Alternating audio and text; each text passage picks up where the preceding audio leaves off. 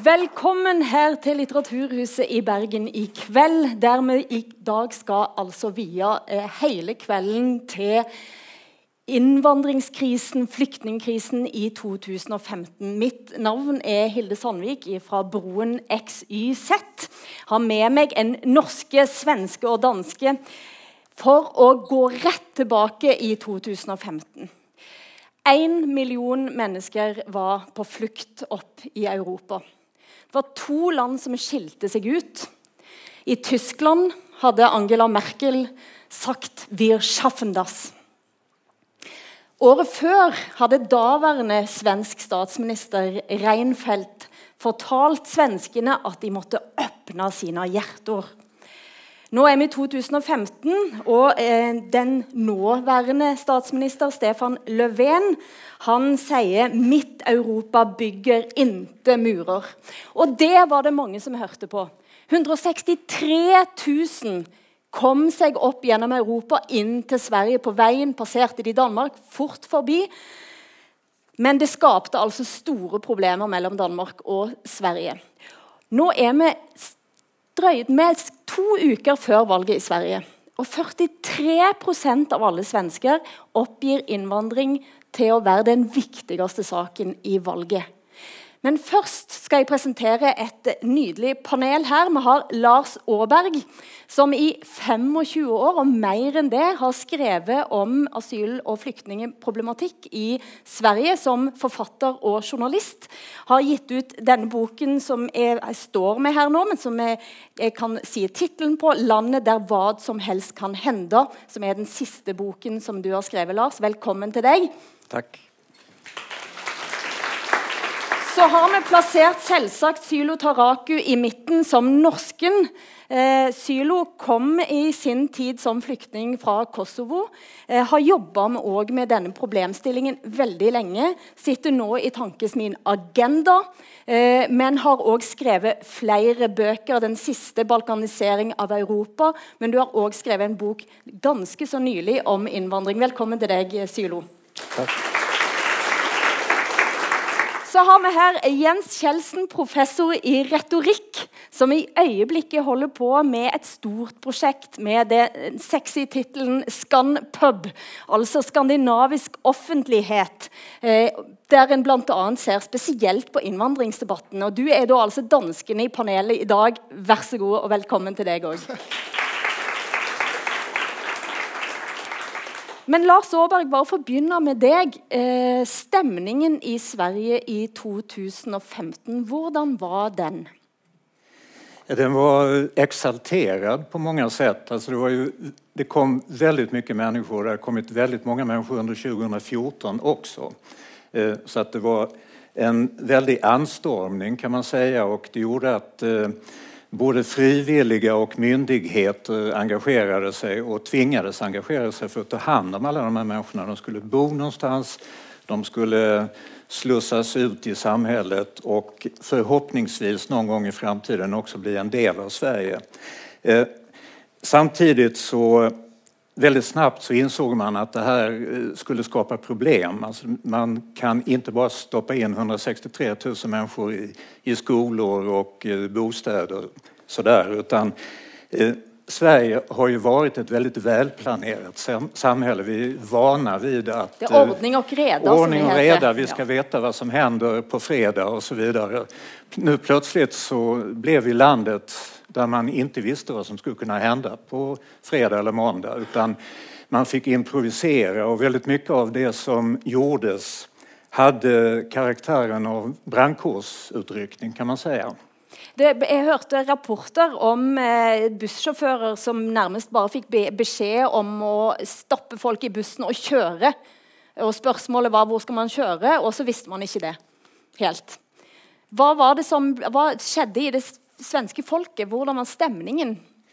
Jeg tror, jeg tror at eh, det, det, har alltid funnits et engasjement for internasjonale frågor i Sverige og en, en velvilje på botten av samhället. Men eh, den eh, testades veldig mye og veldig snabbt her og det var veldig mange i Sverige som tykte at det kom for mange mennesker på en gang. Man kunne ikke håndtere dette.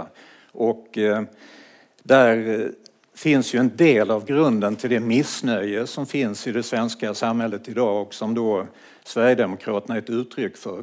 Eh, det är inte så att 20 procent är rasister eller fascister For nå er det i Sverige 20 plötsligt. som faktisk säger at de ønsker å stemme Sverigedemokraterna Ja, de, de flesta opinionsmätningar tyder ju på det. En del tyder på ännu mer. Eh, men jag menar att det här är liksom ett samlat missnöje med hur den etablerade politiken har hanterat de här svåra frågorna. For det er svåre frågor. Vi kan gå til Danmark eh, nå først her. Eh, Hvordan var det i Danmark i 2015? Det var masse mennesker som var på vei oppover eh, gjennom Danmark på vei til Sverige. Mm. Det ble noen utrolig, øh, skal vi si Noen utrolig sterke fotografier. Noen av fotografiene var jo store grupper av flyktninger som gikk på motorveien oppover. det. får man jo ikke gjøre. Øh, og så var det et veldig sterkt bilde av en, øh, som ble kjent som Spyttemann. Jeg vet ikke, hvor mange kjenner til Spyttemann. Han ble på en måte et bilde av den danske flyktningepolitikken. Han sto på en motorvejsbro ovenover alle disse flyktningene som vi ser her, som gikk nedover veien. Og så spyttet han på dem og sa noe sånt som 'skrid hjem til deres egen lande'. Uh, uheldigvis for han var det en fotograf fra Informasjon som tok et bilde av ham. Uh, og Det påvirket jo hans liv mye. Men det bildet ble brukt til en slags debatt om hvem vi var. Hvor man sa nei, vi er ikke sånn. Og Karsten Jensen, den berømte forfatteren, sa at akkurat sånn er det. Det kan godt være spyttemannen har forlatt broen, men nå står den danske regjering der og spytter på Allan Kurdi. Det var et annet bilde også, nemlig en politibetjent som satt på motorveien øh, og lekte med en liten syrisk flyktning, en liten jente. Og Det ble så det andre bildet. Så diskuterte man Men det begynte allerede ganske kjapt å bli kaldt mellom Danmark og Sverige fordi man måtte på et tidspunkt stenge grensen. Vi har vært i en nordisk passunion. Plutselig så kunne man ikke reise over eh, til, eh, til Malmö fra København uten å måtte vise pass to ganger. En ganske sterk aggresjon som kom opp etter det. aggresjon, det var svensk politikk. Altså, Det var svenskene som bestemte det. Etter du har en minister som gråter på TV og sier nå må vi gjøre noe. Så for danskene var det bare det endelige beviset på at svenskene har kommet seg til fornuft, at dette må begrenses. Sylo Tarako, hvordan var det i Norge? Eh, Vi hadde ikke én stemning, men vi hadde et stemningsskifte. Eh, Og det samsvarte litt med værforholdene. Om sommeren så var det eh, varme hjerter som dominerte, men det ble kaldere om vinteren, da det kom mange samtidig. Vi hadde 2500 som kom eh, i uken eh, i november. Eh, og da snudde stemningen veldig fort. fordi om sommeren så var opposisjonen tok initiativ til å hente flere syriske flyktninger fra nærområder. Men når det kom mange i november, så, så kritiserte man regjeringen for å være handlingslammet. For det oppsto kaotiske tilstander eh, i, ved grensen mot, eh, mot Russland. Og da snakket også Arbeiderpartiets Helga Pedersen om direkte fly fra Troms til eh, Kabul. Eh, og i god norsk tradisjon så klarte de fleste politiske partier å enes om en innstramningspakke. Og så ble tallene redusert kraftig etter avtalen med Tyrkia. Men Frp og For Tyrkia gjorde en avtale med Europa. ja, som, som stengte den hovedruten til, til EU. Eh, og så stengte Norge også den arktiske ruten med Russland. Eh, så det ble, det ble rolig etter hvert i, i Norge. Eh, men Frp eh, sørget for å holde denne saken varm. Så innvandringen dominerte også i 2017 eh, under valget, selv om det var veldig få som kom. Eh, det var faktisk den viktigste saken for, for velgere. Eh, og, og nå ja, altså Arbeiderpartiet, eh, Bare 15 eh, mente at Arbeiderpartiet hadde en troverdig politikk på dette området. Men etter valget så, så har også Arbeiderpartiet satt i gang en, en prosess for å utvikle ny politikk. Men hvordan, hvis du skal si noen ting om hvordan skiller norsk politikk seg her fra eh, svensk og dansk?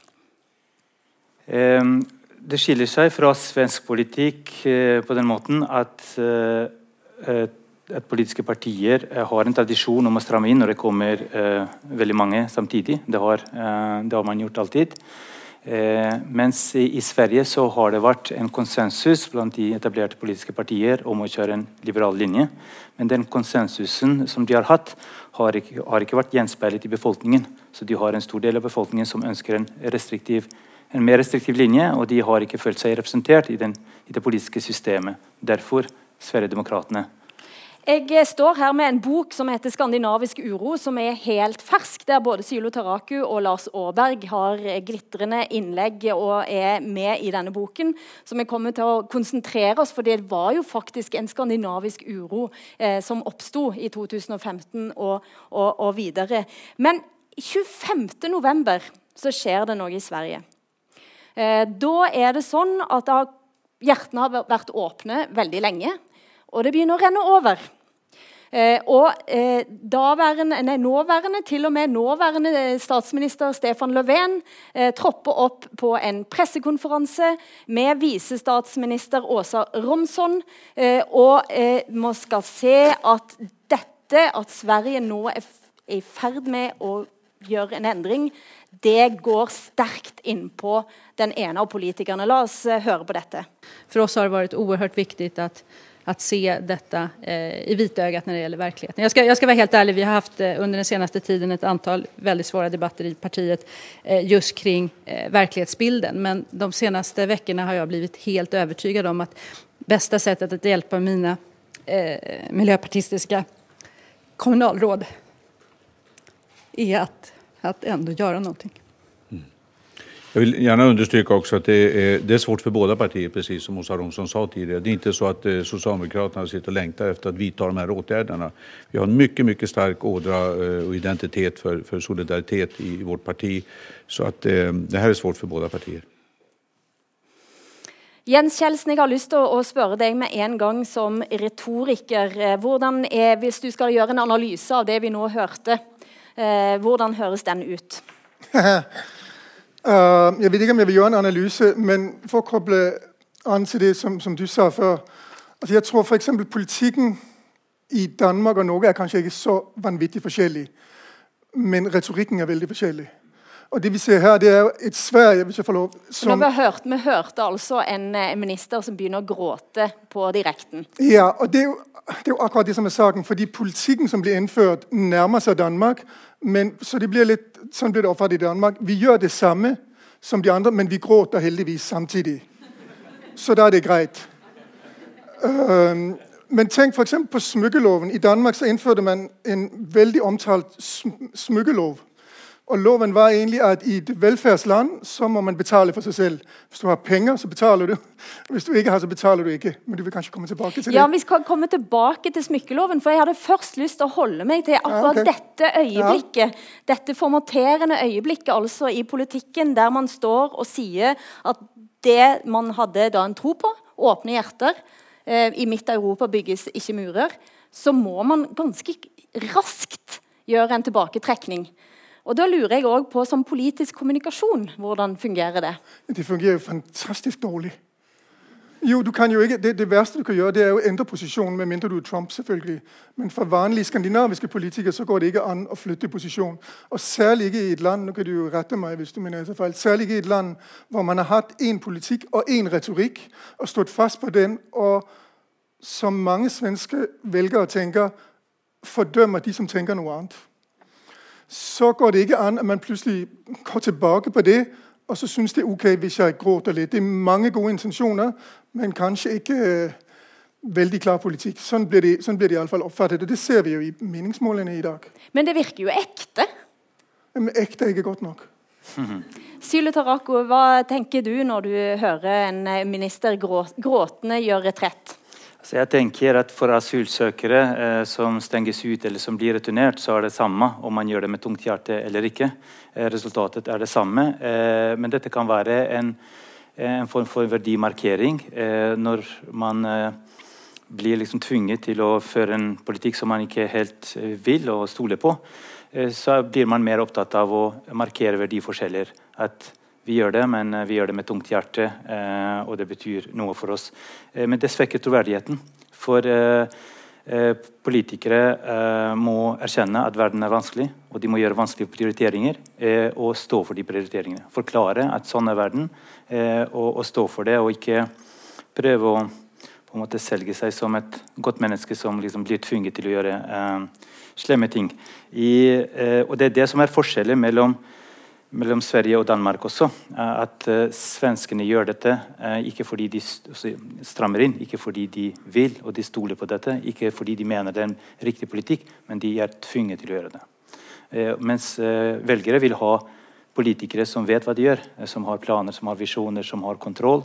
og i Danmark så er man opptatt av å av å liksom begrunne også Sosialdemokratiet i Danmark er opptatt av å begrunne politikken ideologisk.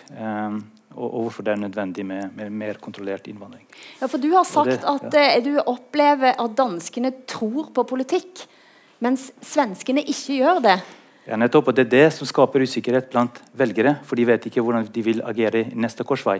Eh, dette blir liksom veldig impulsivt, eh, og når veldig, veldig mye sånn følelser er involvert, så klarer man ikke helt å stole på lederskap. Og, og når det er krisesituasjon, så vil man ha ledere som, eh, som viser eh, nettopp lederskap.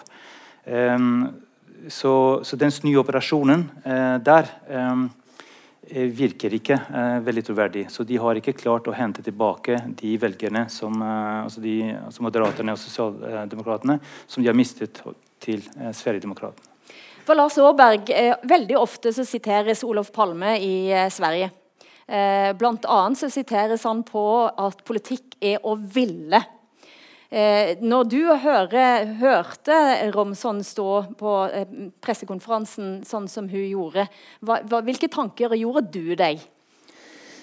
Altså, det var denne følelsen av at Titanic kjørte inn i isberget litt. Grann, i, I Sverige så har vi jo som noen var inne på, det finnes en sterk konsensus i den, den, politiske debatten. og det kan være bra når man skal bygge opp et samhälle men det kan også være ganska negativt om vinden blåser plötsligt åt andra hållet. Att alla som sprang ditåt plötsligt springer ditåt.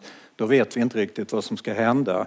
Och eh, Miljöpartiet har ju haft en, en speciell position i svensk politik. Eh, lite verklighetsfrånvända skulle jag vilja säga, inte minst i migrationsfrågan. Och, eh, där man har faktiskt byggt väldigt mycket på känslor. Så på så sätt var det logiskt att eh, Åsa Romson reagerade på det här sättet. Eh, man har agerat lite grann som om det inte fanns någon nationalstat, några gränser och så vidare. Utan lite grann We are all one world. Och på, på ett väldigt abstrakt sätt. Nu blev allting oerhört konkret regeringen och Miljöpartiet har ju också tidigare, alltså innan det här hände, innan den här vändningen kom, så hade man ju skällt ut i princip alla människor i Sverige som tyckte annorlunda och pekat finger åt dem och sagt att de var rasister och främlingsfientliga och så vidare. Sen plötsligt över en natt så säger man ungefär samma saker som en stor del av befolkningen har sagt och det skapar ju ingen trovärdighet, tvärtom, utan då faller väldigt mycket av retoriken och eh, vad ska vi säga, den, den politiska ytan flagnar. Kjelsen. Vi har sett den samme bevegelsen i Danmark. Dansk Folkeparti ble skapt ut av ruinene av Fremskrittspartiet i 1995. Og Der sto den daværende statsminister en tid etterpå på talerstolen i Folketinget og sa I blir aldri stuerene. Altså, du er som en gris man aldri kan få, få lov å ta inn i stuen. Og nå sier øh, Sosialdemokratene omtrent det samme som øh, Dansk Folkeparti sa den gang. Men har det allikevel har det gjort noe med stemningen i hele befolkningen? Eller hvor, er, hvor plasserer man seg nå i Sverige f.eks.? Der har det jo vært en, en, en Man har snakka om åsiktskorridor. Og så sier man nå at den er sprengt. Vi taler ikke om annet, sier flere av de kommentatorene som jeg lytter til. Stemmer ikke det òg, at nå er dette blitt helt stuerent? Eh, alltså, mange av de her begreppen som anvendes som Sverige, åsiktskorridor, no-go zone og sånt der, de, jeg anvender aldri dem for jeg syns de er feilaktige og inkorrekte. Allting er mye mer nyansert. det fins en gråskala hele tiden. Men, och man skal også si att intrycket, det talas om en tvärvändning i svensk politik men i praktiken så är det ju inte det utan både 2016 och 2017 kom det ungefär 25 000 asylsökare till Sverige. Och det är, då är man tillbaka på de nivåerna som man hade för tio år sedan. Så att just nu bedriver vi en för svenska förhållanden väldigt normal eh, migrationspolitik. Det är, det är inte alls så att vi har satt klackarna i marken och, och stängt gränsen. NRK P2 sender aktuelle debatter fra ulike scener i landet. Du hører Debatt i P2.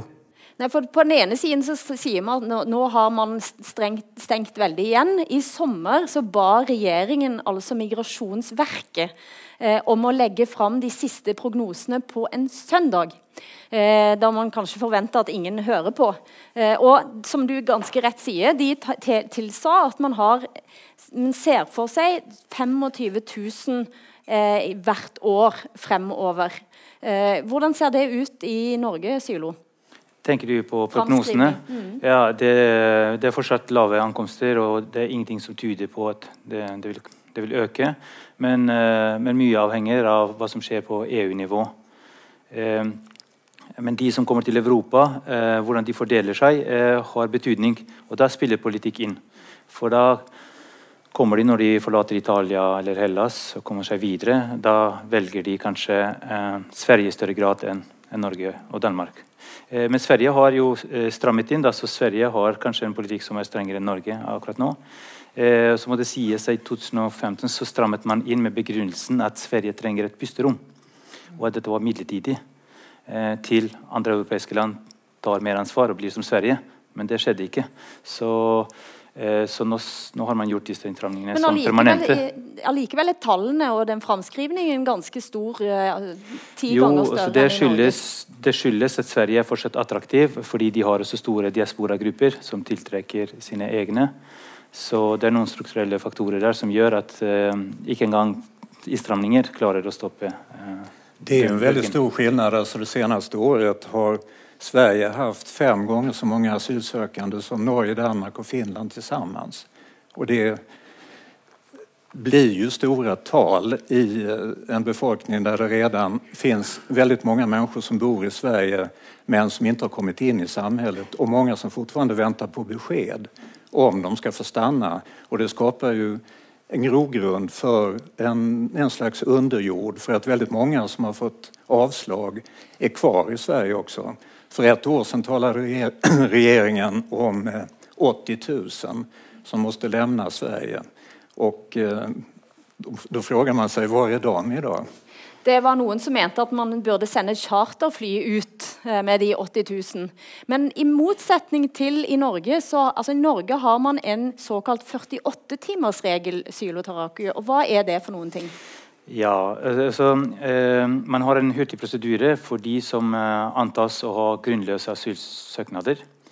Eh, og det, eh, det, er lenge siden det, denne ble innført. Eh, og den gruppen, og den var kanskje det mest effektive eh, tiltaket noensinne. Fordi de, som, de asylsøkere som tilhørte denne kategorien, de, de sluttet å komme til Norge. Så i en periode så hadde Sverige flere asylsøkere som i Norge ville vært i 48-timersprosedyren enn vi hadde asylsøkere sånn generelt sett. Så folk fra Balkan og, og, og sånne eh, trygge land. Eh, og de satt i, i, i, svenske mottak i årevis. Eh, mens i Norge så var det to-tre dager og ut. Kjelsen, ville du si noe til eh, akkurat dette? og, og ikke sant? NOAS også støttet denne innstramningen da, eh, i sin tid fordi man ønsket å prioritere de altså Norsk som organisasjon for asylsøkere. Eh, ønsket å prioritere altså, de som trenger beskyttelse. Det er det asylinstituttet er for. Eh, så, men, men i, i, i, Sverige og, og, EU også var det vanskelig å argumentere for en slik eh, siling. Man kan si at denne debatten i alle fall eh, begynte å renne ut over kantene. Og i alle fall så har det ført til store disputter mellom eh, Danmark og Sverige. Eh, vi skal høre her altså en, en venstrepolitiker fra Danmark bli intervjua på svensk TV med på SVTs program Aktuelt. Og la oss høre hva han sier. Formålet er, at Danmark ikke skal ende som Sverige. Øh, vi ønsker at stramme på en lang række områder, sånn at vi får antallet asylsøgere til Danmark ned. Og vi vet at det hjelper å stramme, og at antallet betyder noe. Og derfor strammer vi på en bred front, sånn at det ikke er så attraktivt at søge asyl i Danmark. Kan du gi eksempel på hva det er for sorts problem med integrationen som du ser? Jamen, der er mange. Der sidder alt for mange, der kommer øh, fra øh, Mellemøsten øh, til Danmark og øh, får offentlige ydelser øh, i parallelsamfund. Der er et problem med kvindesyn. Man øh, opfatter ikke kønnene lige. Øh, der er øh, stigende øh, kriminalitet. Der er mange problemer, og deres erhvervsfrekvens, især blandt øh, kvinderne, er alt, alt, alt for lav. De øh, omfavner ikke de verdier, og bryder seg i, mange tilfeller ikke om de verdier som det danske samfunn er basert på. Er det ikke ganske generaliserende å si så om en hel gruppe mennesker fra Mellanøsten, som du gjør? Jamen altså, altså statistik lyver jo ikke, og i Danmark, modsat Sverige, der fører vi jo statistik på, øh, hvem der begår kriminalitet, og vi kan jo se, at det her er ikke noget, der bare er grebet ud af luften. Det er et meget generelt og et meget stort problem, som vi bliver nødt til at tage alvorligt, hvis vi ikke øh, ønsker, øh, at Danmark skal blive til et anderledes samfund, end det vi er i dag. Jens Kjeldsen, dette er altså Max, Mats Fuglede fra partiet Venstre. Er han en klassisk eh, dansk politiker? Ja, det vil jeg si han er. Det vil jeg si Han er. Altså, han sier ikke noe som er sterkt oppsiktsvekkende, men han taler ganske sånn rolig og nøkternt om stramning. Og så gjør han, som hun sier, visse generaliseringer. Men eh, den typen måte å bare slå fast at folk fra Midtøsten er på denne måten, vil du hørt det i Norge eller i Sverige, tror du, fra en politiker? Jeg vet ikke om jeg er riktig til å svare på det. Ikke, ikke i samme utstrekning, nei. Sylo Taraku, hva tenker du når du hører denne venstrepolitikeren? Det er ikke vanlig kost i Norge at politikere generaliserer på den måten. Uh, man snakker om utfordringer knyttet til integrering og sånt, men ikke på direkte måte uh, om en gruppe mennesker fra f.eks. Midtøsten og, og, sånt. Så men han sier statistikk lyver jo inte, som han sier, eller ikke. Eh, ja, men, eh, ja, men måten han begrunner det på, er på en måte litt sånn fremmed i Norge, selv om eh, det skjer fra tid til annen, spesielt fra politikere, altså fra Frp-politikere. Men sånn ellers så, så, er det litt mykere retorikk i Norge. kan man si. Ikke så politisk korrekt som i Sverige, men ikke så hard som, som i Danmark. hva, skyldes dette, Jens Kjeldsen, at dansker kan snakke på denne måten helt ubesværa, helt tydeligvis? Altså det er jo noe av det vi forsøker å finne ut i det prosjektet som heter Skandpub. For det handler om den offentlige debatten om immigrasjon i Skandinavia. Um, og det, det, er ikke så lett å si. Det vi så langt har undersøkt, det er forskjeller i dekningen. Det kunne jeg godt tenke meg å si noe, men jeg vet ikke om det er plass til det her nå. Vi kan snakke om det litt, for vi skal snart komme til både smykkeloven og annen dansk Eh, der kan vi komme tilbake og snakke om det med dekningen. Absolutt. Eh, du kan få en liten eh, innsmett du og Lars Aaberg om hva du tenker om dansk politikk på denne måten. Ja, det her er jo en det er ikke en typisk dansk politiker, vi skal ikke generalisere. Men det, det, er en, en politikertyp som finnes i Danmark og som ikke finnes i Sverige blant de etablerte partiene. Du skulle kunne høre en sverigedemokrat säga ungefär samma saker. Och jag tror att eh, det finns en opinion, och den kan man aldrig veta hur stor den är, som tycker ungefär så i, i Sverige också. Och, eh, de kommer ju då sannolikt att rösta på Sverigedemokraterna i det här valet. Att den här typen av eh, eh formuleringar och eh, ganska hårda, precisa Eh, beskrivningar, de, de, det finns inte i svensk politik och har inte funnits, har framförallt inte funnits tidigare. Den sipprar väl igenom ibland men eh, då är det genast eh, ledarskribenter i någon tidning som slår dem på fingrarna och så vidare. Så det, är inte, det är inte accepterat i svensk politikk å uttale seg på det her settet. Vi kan jo høre hva en eh, svensk lederskribent gjorde eh, med akkurat dette. Eh, her er det altså Anders Lindberg, som er politisk sjefredaktør i Aftonbladet, som responderer på det han har hørt fra den danske politikeren. Och Anders Lindberg, politisk sjefredaktør på Aftonbladet. Eh, ja, jeg begynner med deg. Hur reagerer du når du hører eh, her? här? Alltså jag blir lite glad att vi inte har den här liksom drängstugenivån på samtalet i Sverige. Alltså att han, han, stå, han står liksom i tv og sier at vi blir mer som Mellanöstern, At det liksom er et problem at mennesker har røtter i andre länder. Jeg tycker det er en, et sett å prate om politikk som jeg er ganske glad at svenske politikere ikke håller på med.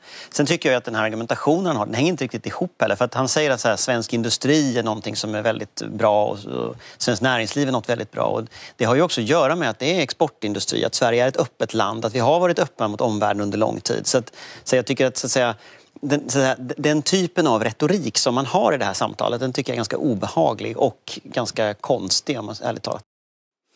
Obehagelig og konstig, sier Anders Lindberg. Vi er på Litteraturhuset i Bergen, diskuterer flyktningkrisen 2015 med norske, svenske og danske. Og Her hører vi altså en politisk eh, redaktør som kaller den danske debatten for drengstugenivå. Altså eh, Lars Aaberg. Eh, er det er det sånn som den jevne svensken ser på dansk debatt? Jeg tror at det er så som det svenske politiske og mediale etablissemanget ser på svensk debatt. Og dessverre så har det jo altså, Sverige kan være et større land enn Norge og Danmark men det er også et ganske litet land når det gjelder eh, konsensus og åsiktsbredd. Och inte minst märker man, jag har bott större delen av livet i Malmö men har nu flyttat till Stockholm för några år sedan och då upptäcker jag vilken liten värld Stockholm är. För att journalister och politiker i Stockholm är inte ett dugg intresserade av vad som händer i Danmark. De vet ingenting om Danmark. Det är nästan inga nyheter från Danmark i svenska tidningar eller svensk tv. Enda gången är om man hittar någon från Dansk Folkeparti som säger någonting riktigt dumt. Då blir det ett inslag. Så att, eh, vi, Sveriges kunskap i allmänhet om Danmark är väldigt låg. Eh, så att jag, jag, är inte säker på att svenskar i allmänhet eh, tänker på Danmark i den bemärkelsen. Men, men ja. drängstugenivån. Anders Lindberg ska vi säga är en väldigt speciell skribent som har en del extrema synpunkter på saker och ting. Och, eh, vi ska inte gå in på det nu, men man märkte ju här att han gled på argumentationen. Problemet som den danske politikern förde fram var ju inte att människor kom från Mellanöstern utan han menade att de hade värderingar som var ett problem. Men Lindberg gjorde det till någonting annat. Och så ser debatten ofta ut, alltså att man tillvitar motståndaren åsikter som de inte har. Det er nemlig et riktig godt poeng. For hvis vi ser på forskjellen på de to Altså Den danske politiker man kan være uenig, men han argumenterer saklig. Man kan si at det var et feilargument, men han argumenterer for saken. Men hva sa den svenske kommentatoren egentlig om saken? Ingenting. Men han sa noe om hvordan danskeren snakket. Han sa noe om hans verdisyn, om hans ideologi. Men han sa ikke 'nei, argumentasjonen er feil', eller 'dette er ikke løsningen'. Og Det synes jeg blir et ganske tydelig bilde på forskjellige måter å argumentere på i forhold til innvandringssaken. Ja, altså, Hva som er mainstream og hva som er provoserende og ytterliggående, eh, varierer eh, i forskjellige land. Så uh, Den uttalelsen uh, sjokkerer ikke danskene, men sjokkerer svenskene f.eks. Og det har noe med tradisjoner og debattklima uh, å gjøre. Det er også store forskjeller i Europa. altså i, Lenger ned i Øst- og Sentral-Europa vil retorikken være enda hardere. Ehm, eh, men eh, sett fra norsk ståsted så er eh, debatten i Danmark ganske hard. Man må også passe på hvordan man snakker. Enighet, politikken er viktig, men også hvordan man omtaler innvandrere og minoriteter er også viktig for, spesielt for dem. For de kan føle seg ekskludert og stigmatisert. og sånn, så Det er jo også et viktig hensyn å ta. Det er mulig at uh, den uh, saken som jeg tenkte å gå inn på nå, uh, nådde svenske medier òg. Eh, innvandringsminister Inger Støyberg eh, fra partiet Venstre skapte furore da hun la ut et eh, bilde på Instagram der hun rett og slett feira de 50 første innstramningene i asylpolitikken med en kake med 50 lys og stilte opp med et stort, bredt glis. Var dette noe som svenske medier fikk med seg, Lars Aaberg? Nei, jeg tror ikke det oppmerksommet det så mye, faktisk. Det gjorde det nok ikke. Jag, har, jag såg inte det där i, i några nyhetsmedier utan det, det kom senere på sosiale medier. For Dette ble også diskutert i Danmark, hardt i Danmark. Ja, Selv internt i partiet Venstre så var det mange, bl.a. Eh, nestorer, som gikk til Inger Støyberg og sa at hvis ikke du slutter med dette nå, så må du ut av partiet. Eh, hva tenker du Jens Kjeldsen, med, med når du ser dette bildet og hører historien rundt? Da jeg så det første gang, jeg tenkte jeg oi, har hun bursdag? Er hun 50 år? Hun holder seg sannelig godt. Uh, men det var ikke det. Så jeg må innrømme at jeg og med mange andre dansker ble ganske forbløffet, for ikke å si forarget. Men det er et ganske godt bilde av hvordan man kommuniserer i, uh, i Danmark. Nå så vi politikeren fra Miljøpartiet før som gråt og syntes det var helt forferdelig med stramninger, men de feirer vi da i Danmark. Og Det er den samme ministeren som sendte en annonse i mellomøstlige aviser som fortalte om stramninger i innvandringspolitikken. Og Det som har skjedd i Danmark, øh, også, som, også norske politikere som f.eks. Sylvi Listhaug jobber for, det er symbol- eller kommunikasjonspolitikk. Sende masse signaler ut om hvor stram innvandringspolitikken er. Og Det er jo det hun gjør her. Signaler både til sine egne velgere, så ikke de forlater partiet til andre velgere, men også signaler ut av landet. Vi så helt innledningsvis her de som gikk på motorveien, de vil ikke bli i Danmark. Nei, de ville til Sverige. Ja, danske... Så der, der vil hun selvfølgelig si kommunikasjonen virker. For hva er det vi vil? Vi vil begrense tilstrømningen. Stemmer ikke det, Sylo Taraku, at dette er det, det å, å, si klart ifra om at her er våre grenser, det virker? Så jeg tenker at denne kaken ser uh, veldig uh, Den smaker sikkert veldig bra, men utspillet er usmakelig. Uh, sett fra norsk ståsted. man feirer ikke innstramninger på, på, denne måten, tenker jeg. og jeg, jeg, tror ikke velgere blir så begeistret av den type signaler. men i, Norge så var det sterke reaksjoner da Sylvi Listhaug la ut et bilde av, afghanske gutter på, på vei til flyet, og, og feiret disse returene. Eh, så var det diskusjoner om hun virkelig gjorde det, men eh, hun, hun også viste til noen tall og sa at se hvor, hvor flinke vi er med, med retur. Og det var også litt usmakelig. Så det Men du har det, selv vært flyktning til Norge. Ja. Eh, og kanskje òg eh, fått den type beskjeder da underveis. Nei, altså Hvordan ville dette ha virka på deg? Eh, når jeg kom til Norge, så, så var balkanflyktningene ble ønsket velkommen, eh, så jeg følte meg godt eh, tatt imot.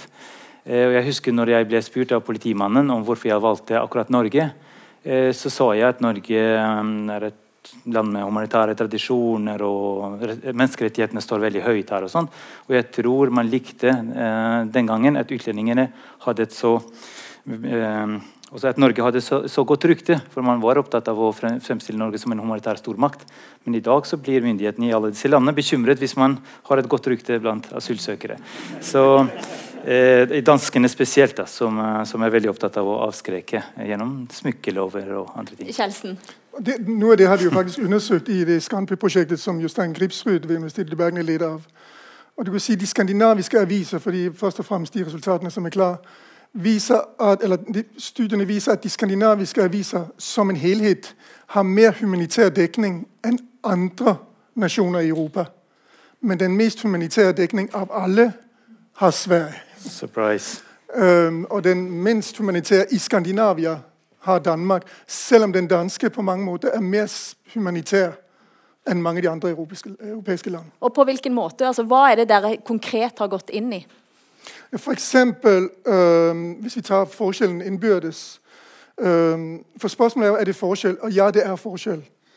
I den, de danske pressen så er det mest om de negative økonomiske og sikkerhetsmessige konsekvenser. Sånn som vi faktisk har sett her.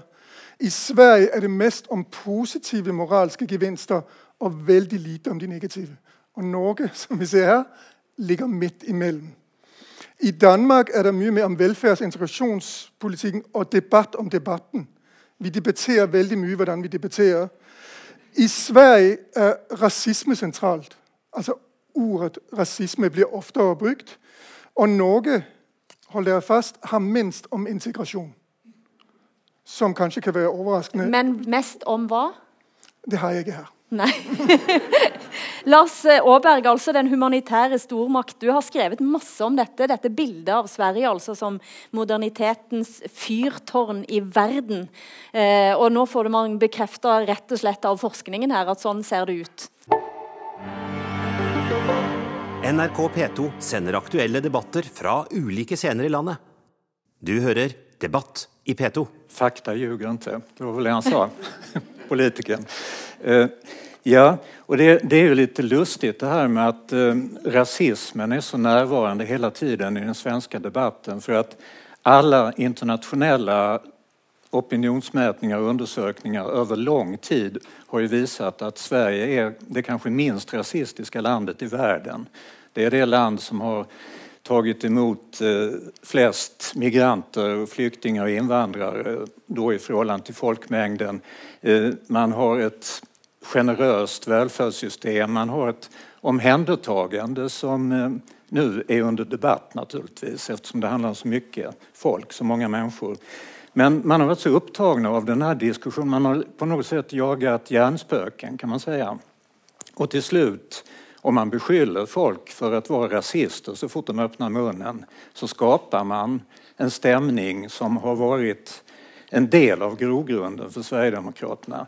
Den andra grogrunden har varit tystnaden kring migrationspolitiken, att man inte har velat debattera det. Sånt som folk faktiskt pratar om i vardagen. Och eh, man har bitit sig i svansen lite grann här genom att vara så aggressiv och ha så dåliga tentakler ute i samhället. Man har haft dålig kontakt helt enkelt med hva vanligt folk tycker og tenker. Vi skal ha en liten, før vi går over til å begynne å snakke rett og slett om hva skjer nå framover, så skal vi bare kikke litt på retorikken igjen. Og nå er vi endelig i smykkeloven, Jens Kjeldsen.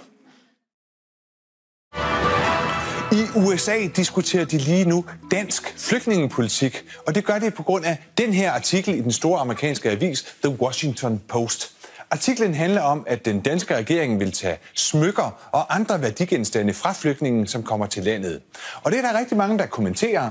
For eksempel Terry Simmons her, der mener, at det er noget af det samme, som nazisterne gjorde under 2. verdenskrig. Er det her ikke, hvad man gjorde ved jøderne, spørger hun. Og Washington Post er langt fra det eneste udenlandske medie, der har dækket historien. Se bare artiklerne her. Og også på gaden i Washington er der mange, der er forarvet over Danmark. Reaktionerne på artiklen falder prompte. It sounds like something that was done by the Nazis and during World War II to the to the Jewish people. I find it to be pretty upsetting. I think that refugees should be treated with the utmost respect and compassion, and a headline like that is really upsetting. Jens Kjeldsen eh, til Danmark her, altså. Jeg står òg med en artikkel med en dansk folkepartipolitiker som eh, sa at vennligboerne, som det heter i Danmark, som er Welcome Denmark, kan du vel kanskje si det var i Danmark, mente at de burde klippes håret på sånn som tyskerjentene ble det. Eh, det å snakke om smykkelov på den måten som man gjorde i dansk offentlighet, eh, hva sier det om hvor danskene står? Smykkeloven er interessant nettopp fordi jeg sa før at det er symbolpolitikk. Norge har en lov som ikke er helt tilsvarende, men ganske så lik. Og den er det ingen i Norge som har diskutert. For poenget i Danmark var å sende signaler ut til verden og til de andre partiene at vi er, har en veldig stram og restriktiv uh, politikk. Og når vi tenker på han du før brukte, Mars Fuglehete, som en som har veldig skrap retorikk så er det ingenting. Det var ingen i Danmark som ville løfte et øyenlåg for dette her. På Dansk Folkepartis øh, landsmøte var det en ung kvinne som het Sjane Nielsen, som snakket om Hun nevnte ikke riktig hvem de var. Hun sa ikke innvandrere, hun sa bare 'de andre'. Hun sa noe sånt som Og så kommer de her, og de stjæler, og de voldtager, og de dreper. Så det er sterk retorikk. Og det har vi. Men det som vil være feilen, vil være, som du antyder nå, å tro at alle i Danmark snakker sånn. Vennligboerne som du snakker om, har jo en helt annet syn på det. Og under flyktningekrisen i 2015 der kan du si at noen danskere stemte med føttene. For det de gjorde, det var at de gikk ut på veiene, de tok bilen sin, og så tok de innvandrerflyktninger inn i bilene og kjørte de til Sverige. For det, det var jo der de ville hen. Det høres jo, høres jo veldig convenient ut. Ja, men, ja, men de, en, en veldig kjent dansk øh, kvinne ble, ble, faktisk dømt i retten for menneskesmugling. For det der. Ja, så poenget med denne her er at det er symbol- og kommunikasjonspolitikk. Men Karsten Jensen, som vi har nevnt her før, dansk forfatter, eh, som òg skriver i denne boken, eller intervjuer i denne boken 'Skandinavisk uro', han har lest ditt eh, kapittel der, Lars Aaberg, og han sier når jeg, leser, når jeg ser det Lars Aaberg skriver, eh, så tenker jeg at han skylder alt på innvandringen. Eh, men hva er det, hva vil, hvis det er omvendt, at det er velferdsstaten som er roten til alt ondt, skriver altså, sier Karsten Jensen her i denne boken boken. Eh, hva om det er det som er utgangspunktet her? At vi har skapt en velferdsstat som faktisk eh, ikke eh, er levedyktig i vår tid? Ja, det tycker jag är korrekt. Det finns väldigt mycket att, att diskutera med välfärdsstaten och hur den beter sig mot individer, medborgare. Jag vill ju säga då att jag inte på något sätt är negativ till invandring utan det är ju en av alla dessa vantolkningar då, utan det jag kritiserar är hur invandringen hanteras. Det är alltså politiken kring det hela. Och i Sverige har vi ju haft någon slags eh, para, ett paradoxalt beteendesätt. Alltså vi, vi har tagit in väldigt många människor i vårt land men vi har Tidigare hade vi ganska bra koll på. Ungefär till och med Balkankriget kan man säga Då visste vi hur vi skulle hantera detta. Men det gör vi inte längre. Men vi har fortsatt att ta emot en massa människor utan att ha förmåga att placera dem och ge dem en möjlighet att komma in i samhället. Och det har också gjort att de som inte vill komma in i samhället, för dessvärre finns det sådana som kommer till Sverige också, de har kunnat rotar sig och skapar småsamhällen i utkanten av mainstream. Och det, där ligger ju väldigt mycket av problemet idag. Och då kan man säga att det är, välfärdsstaten har eh, i någon mån misslyckats. Eh, framförallt så framstår den som ganska hjälplös tycker jag och eh, eh, lite valhänt. Den vet inte vad den ska göra i, i det här läget.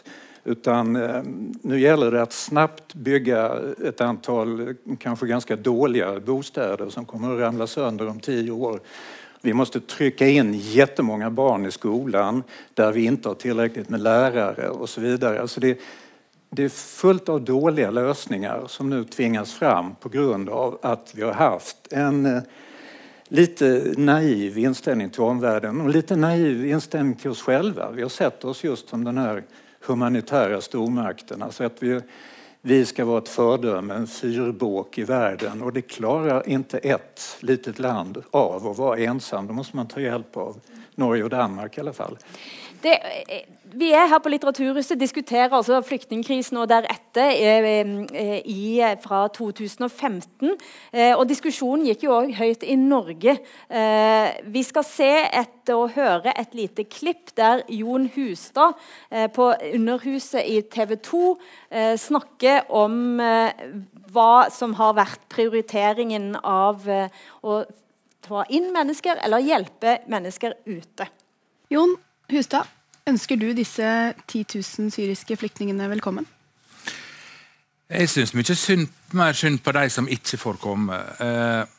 Én eh, kvoteflyktning utgjør en kostnad på statsbudsjettet sier Justisdepartementet på 1 035 000. Det vil si at disse menneskene vil representere en kostnad på 10 milliarder.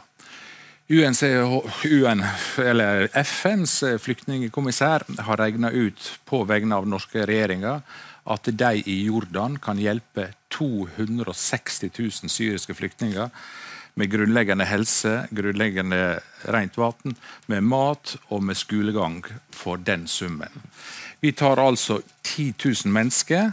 Da syns jeg at vi skal sende Støre og, og Trine Skei Grande, som skal fortelle de 250 000 andre at dere skal ikke få grunnleggende helsehjelp, grunnleggende rent vann, mat og utdanning. Det er en veldig feil strategi å bruke 10 milliarder på 2,5 promille av de syrerne som er i nabolandet. UNC, FNs høykommissær for flyktninger er i tillegg dramatisk underfinansiert. Norge ga bare 420 millioner til landet i fjor. Hvis vi derimot omdirigerte uhjelpsbudsjettet vårt på 32 milliarder, så hadde Norge kunnet gitt fantastisk mye bedre levekår for alle de syriske flyktningene i nabolandet. Sylo Taraku, altså 10 milliarder kroner på 0,5 promille. 2, nei, 2,5 promille, sa, sa, Jon Hustad her. Har vi egentlig bare tatt fullstendig feil fra 2014 og opp? Altså, uh, dette er en form for uh, rasjonell uh, argumentasjon om, om, innvandringspolitikkens konsekvenser og ulike sider. mens noen argumenterer la oss si, verdimessig, så vil andre hente frem kalkylen med på den måten Jon Justad gjør her, og si at okay, vi, vi, kan bruke ressursene bedre. Men det handler om flere hensyn her. Eh, en av dem er også å, å vise verden at uh, også Norge ønsker å ta en del av ansvaret for verdens flyktninger. At vi ikke betaler oss ut. At vi solidariserer oss med, med andre også på denne måten. Eh, også, eh, men nå har dette kommet sterkere på dagsordenen, altså hvordan vi bruker ressursene våre mer rettferdig. Eh, akkurat kvoteflyktninger mener jeg er en bra måte å gjøre det på.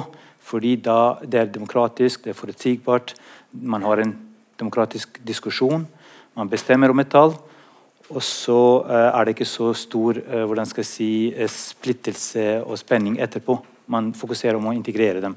Det som skaper eh, splittelse og usikkerhet og alle de problemene rundt innvandringspolitikken, er denne uforutsigbarheten. At man ikke kan drive med samfunnsplanlegging når man ikke vet hvor mange som kommer. For I Sverige så kom det 160 000 i 2015.